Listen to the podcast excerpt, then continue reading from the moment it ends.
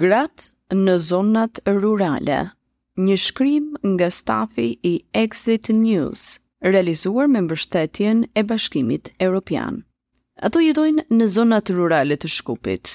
Shumica e tyre kanë bërë vizitën e fundit te gjinekologu kur kanë sjellë në jetë fëmijën e tyre të fundit dhe tema më e madhe tabu është dhuna me bazë gjinore në familje.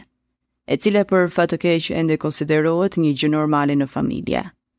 Vetëm 38% e grave në zonat rurale konsiderohen ekonomikisht aktive, por vetëm 5% e tyre kanë pronë në emër të tyre. Këto janë shifra që kanë mbetur të njëjta prej vitesh dhe nuk kanë ndryshuar në rritje. Dhe pse është kështu, përgjigje duket se është e pamundur të gjendet. A janë stereotipet apo barrierat tradicionale që ende nuk i lejojnë gratë nga mjedisi rural të gjejnë vendin e tyre në shoqëri? Apo kanë shumë detyrime që lidhen me kujdesin për shtëpinë, familjen, arat, që marrin deri në 11 orë në ditë, në krahasim me 9.5 orë për burrat? Kështu që nuk u mbetet shumë kohë për të qenë në një jetë aktive në komunitet. është vërtet e vështirë të thuhet. Vendosja e pasigurt, puna e papaguar, pasiviteti ekonomik në tregun e punës dhe të ardhurat e paqëndrueshme dhe të ulta, të cilat janë ulur edhe më shumë, për deri në 84% të grave nga zonat rurale, kryesisht gjatë periudhës së pandemisë, Të gjitha këto shkaktuan efekte negative serioze dhe afatgjata mbi fuqizimin e tyre ekonomik dhe përfshirjen sociale. Përveç kësaj, pikërisht për shkak të padukshmërisë së tyre në tregun e punës, për shkak të informacionit të pamjaftueshëm dhe përfshirjes në flukset sociale, gratë përballen edhe me sfidën e pushimit të lehonisë pa pagesë, si dhe të pushimit mjekësor për shkak të lëndimeve në vendin e punës. Kryesisht pandemia e COVID-19 nxori në sipërfaqe sfidat e kahershme me të cilat përballen vazhdimisht gratë në zonat rurale, përkatësisht aksesi në shërbimet sociale dhe ato shëndetësore.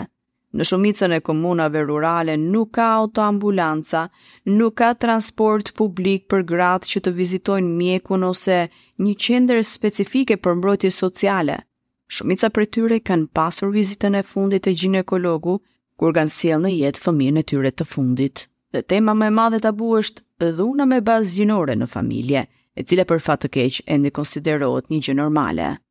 Shumë pak nga gratë vendosin të denoncojnë një dhunë të tillë për shkak të turpit dhe dënimit nga komuniteti, por edhe për shkak se nuk ka qendra për mbrojtjen dhe mbështetjen e viktimave të dhunës në familje, edhe në qytetet e brendshme të vendit, lëre më në fshatra.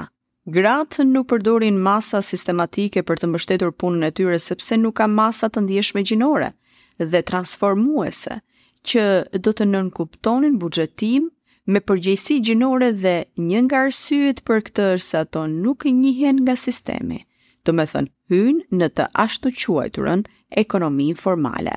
Dhe kështu, do të përmendim edhe faktin që mund të jetë vendimtar që gjërat më në fund të fillojnë të ecin lart dhe ai është përfshirja e grave në proceset vendimmarrëse në komunitetin lokal. Situata reale është e tillë, që pothuajse nuk ka asnjë grua në strukturat vendimmarrëse. Kështu që nga 257 komunitete lokale në 17 komuna vetëm 5 janë gra, që sipas hulumtimit të koalicionit rural është vetëm 3% në nivelin e rajoneve planifikuese dhe të shtetit. Ajo reflektohet të dukshëm në çdo nivel të vendimmarrjes publike. Qasje sistematike, koordinimi dhe komunikimi ndërsektorial, vendosja e barazisë gjinore dhe përfshirja e perspektivës gjinore në krijimin e politikave, dokumenteve strategjike, dhe programeve në çdo fushë si temë horizontale, ashtu siç kërkon Bashkimi Europian, duhet të jetë në krye të agjendës të çdo institucioni.